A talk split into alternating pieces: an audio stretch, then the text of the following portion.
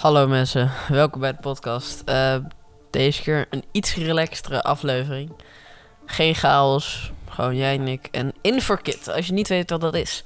Het is een grappig ehm, AI-programmaatje. Of nou ja, het, het is een eh, website. En daarop kan je dan zeg maar tekst typen. En dan vult zeg maar een neural network. Dat is zeg maar een...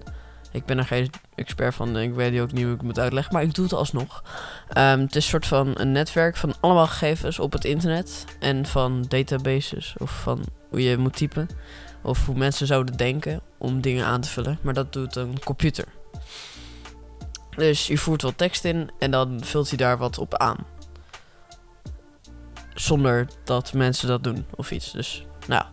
Ja, daar komen gewoon ehm, af en toe grappige resultaten uit. Dus we het een keer proberen.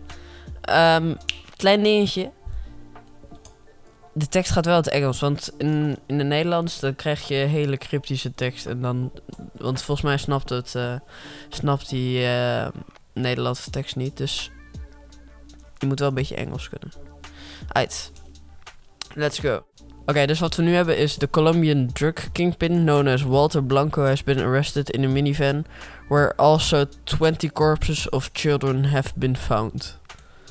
En dan gaan we kijken hè, wat we daarin krijgen. Dus ik doe generate text. Ik heb ongeveer 300 tekens komen. Nou, ik doe wel 500. Fuck it. Ja. Oké, let's go. The bloody cartel chief and his bodyguard were driving to a birthday party when they were apprehended by police officers. More than 80 kilos of ca- cocaine, 1500 kilos of marijuana, and 8 weapons were also seized from their vehicle. The van, belonging to Walter Blanco's wife Elvira, was stopped when police recognized him from a security video taken at the entrance of the Escuela Naval de Campañas, the military school in the capital Bogota, where some of the bodies were found. Wat. What the fuck? Hij heeft gewoon een heel verhaal achter verzonnen. What the fuck? Ik weet niet, is Bogota de hoofdstad van Colombia? Bogota? Ja! Oh, dat is perfect. Maar waarom is er... Ze hebben het over een birthday party. The bloody cartel chief and his bodyguard were driving to a birthday party. waarom de fuck gingen ze dan naar een verjaardagsfeestje als, ze 80 kilo cocaïne met zich mee hadden? en acht wapens. Holy shit. Oh, dat is mooi. Oké, we doen een volgende. Oké, dus ik heb nu eh, een soort van meer romantische situatie gedaan. Ik heb nu Elon Musk whimpered at the sight of Mark Rutte. They hadn't seen each other since that time they were discovered. Their relation had remained a secret only, only known by current US President Joe Biden. Elon Musk stepped forward and grabbed Mark Rutte's thigh and whispered...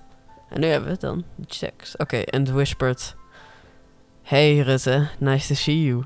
Mark then leered back and murmured... Nice to see you too, Elon. Elon Musk was confused. How, how do I know I know you? He whispered. Because you took my virginity, Rutte said. And with that, Elon Musk left the stage. Ioannis Antonopoulos Poulos, a solo in a musical orchestra. What could be more revolutionary than playing your own guitar? Ioannis Antonopoulos, 31, is the musical half of the mystery-minded duo S.I. S-I-A-O together with Sia. Wat?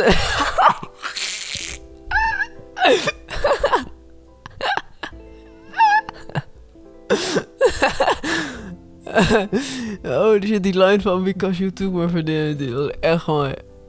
What the fuck? Wat de hel? En daarna ging het over I Ioannis Anto... Ik ga het even opzoeken, want ik heb echt geen flauw idee wie die guy is. Ioannis Antonopoulos. Even kijken, wie is dat? Volgens mij bestaat hij niet eens. Wat de hel? Oh, het is een... Het is een... Oh, het is letterlijk een vechter uit de MMA in Germany. In, in Duitsland. Maar het is dus geen musical. Het is een solo in een musical orchestra. Wat de hel? Ik ben echt ziek confused. Ah, What the fuck, man. Oké, eh, volgende tekst.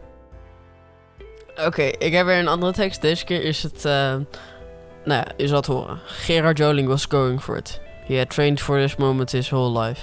He was going to beat Conor McGregor into a bloody pulp. He had everything at his disposal.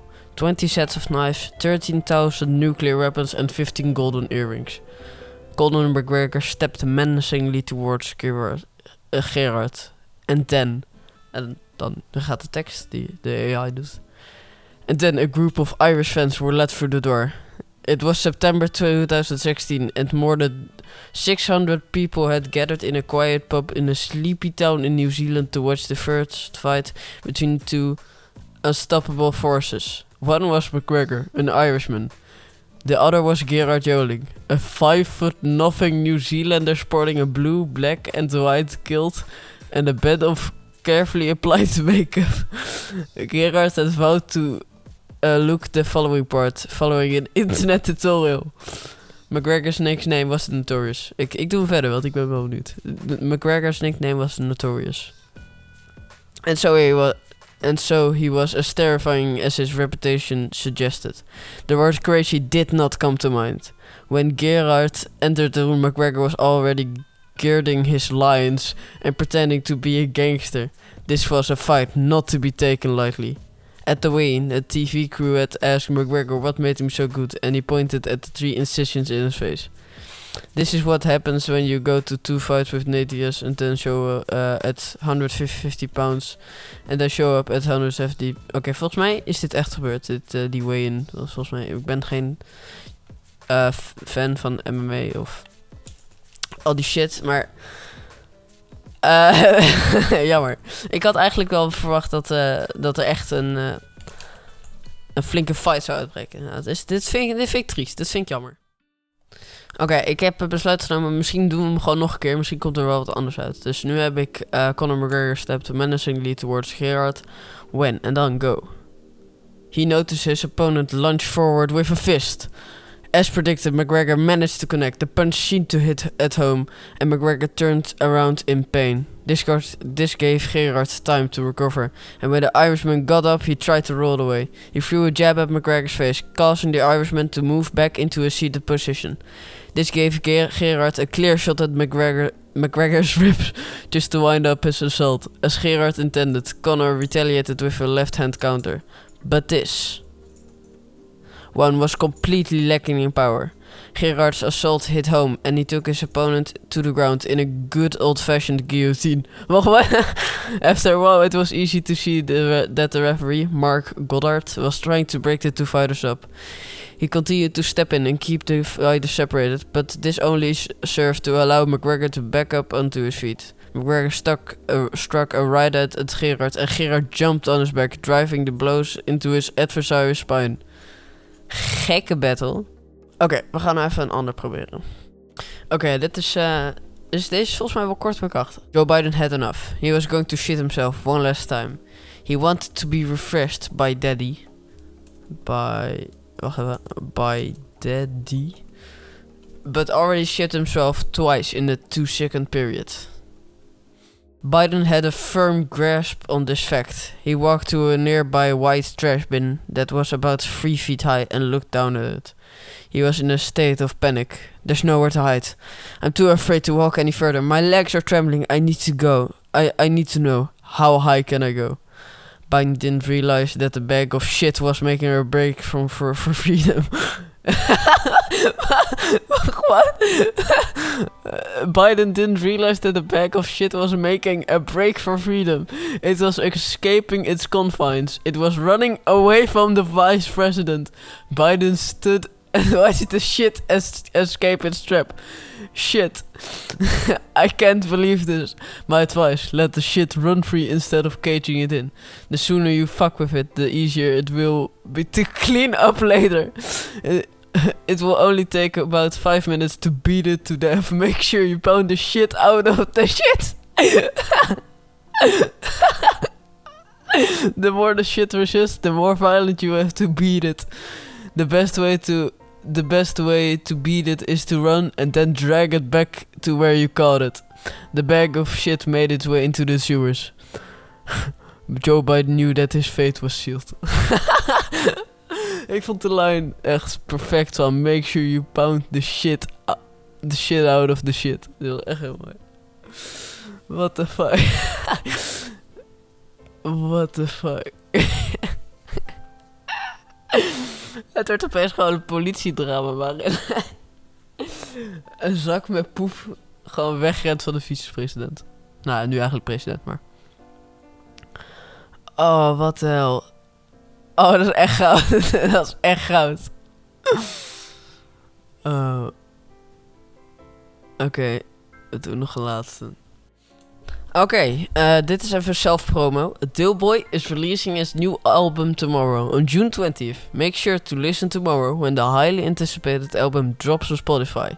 Kijk wat hij van maakt, holy shit. The album is accompanied by a statement from Duffman, and we've posted it below. It has come to our attention that many people are likely feeling confused. We should clarify that we are the makers of Robot Chicken, not Team Coco. We are also not affiliated with Bucket O Tears. Many thanks to our fans who have been calling out on the mistake and also apologize for any embarrassment that may have caused. Follow Zach Heltzel at Zach Herzl on Twitter. Advertisement.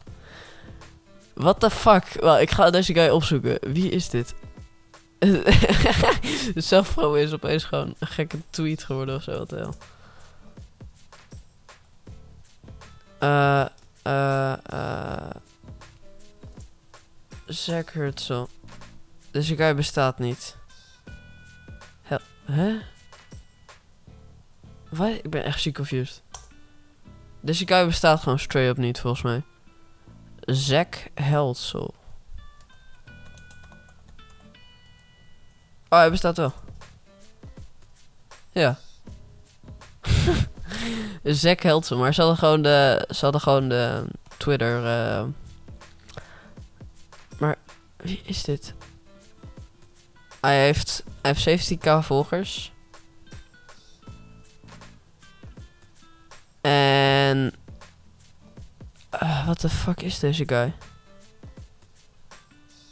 Hij, hij woont in Californië en volgens mij is hij een beetje. Uh, is gewoon een average guy volgens mij.